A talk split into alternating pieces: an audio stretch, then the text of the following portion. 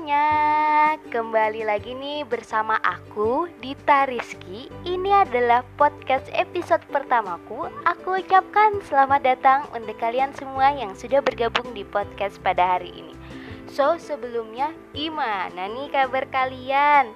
Baik dong ya pastinya. Dan tetap semangat terus ya. Dengan jangan lupa untuk menjaga kesehatan. Karena sehat itu tak ternilai loh harganya guys. Dan mematuhi protokol yang ada selama masa pandemi ini. Oke langsung saja. Di sini aku akan memberikan tips and tricks bagaimana agar kalian tidak mudah bosan atau bahasa kerennya sering nih ya kita dengar dengan istilah boring. Nah, jadi aku akan membagikannya kepada kalian agar tidak mengalami keboringan dalam menjalankan rutinitas sehari-hari. Apalagi ini sudah memasuki bulan-bulan untuk libur kan? Wah, pasti kalian seneng banget nih. Nah, jadi di sini aku akan memberitahu tips and trick agar kalian tidak mudah boring. Mungkin tak jarang nih ya dari kalian yang liburannya hanya membuang waktu saja, kemudian tidak produktif. Nah, inilah tips yang aku berikan agar kalian menjalankan rutinitas dengan memanfaatkan waktu secara baik. Oke, langsung saja ke tips yang pertama agar kamu tidak mudah boring, kamu bisa nih melakukan hal yang kamu sukai atau hobi kamu. Semisalnya nih ya, seperti aku suka banget untuk memasak. Nah, ini menjadi rutinitasku agar aku nggak boring saat di rumah dan juga menjadi kreativitasku supaya produktif. Nah, kalian bisa nih menjalankan hobi atau kesukaan kalian. Semisal kalian suka traveling, menulis, melukis, ataupun membaca, dan lain sebagainya. Ya pokoknya lakukanlah segala hal dengan kesukaan kalian dulu ya guys, karena memulai dari hal yang kamu suka, kamu dapat memahami diri kamu sendiri.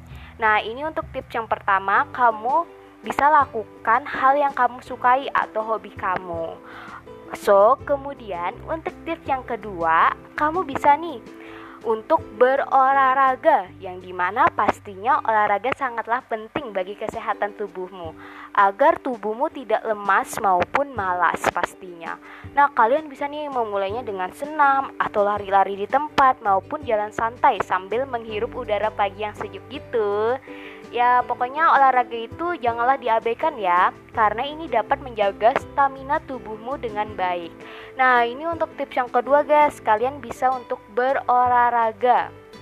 So, kemudian untuk tips yang ketiga, kamu bisa nih untuk mengobrol dengan teman yang kamu anggap akrab. Misalnya, kamu bisa nih untuk ngajak dia untuk me time, makan bareng, maupun menambah solidaritasmu bersama teman yang kamu anggap nyaman. Ataupun kamu bisa nih mengikuti diskusi-diskusi atau forum komoditas gitu dan bertemu orang banyak. Sehingga ini menjadi ladang wawasan kamu dengan menjalinkan keakraban bersama mereka. Nah, ini untuk tips yang ketiga nih guys. Kalian bisa mengobrol atau mengikuti forum-forum diskusi dan ini nantinya bisa menambah wawasan kalian dan pengetahuan kalian. Ini juga baik banget nih, apalagi untuk anak muda nih, cocok banget nih tips yang ketiga.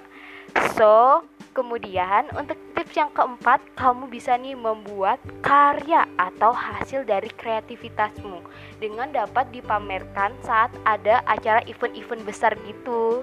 Dengan inilah kamu dapat berwirausaha dengan adanya kreativitas dan inovasi yang kamu jalankan.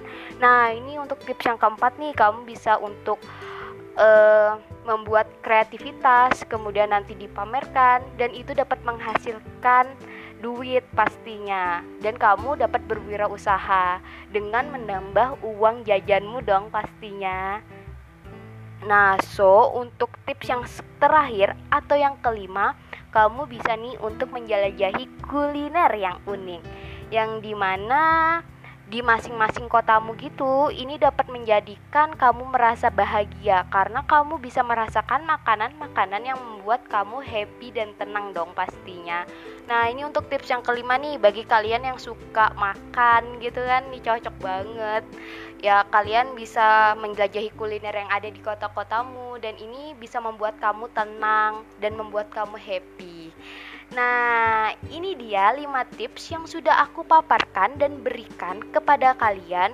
Hmm, jangan lupa ya untuk diterapkan dalam menjalankan rutinitas sehari-hari ya guys. So itu aja dalam podcast pertama ini.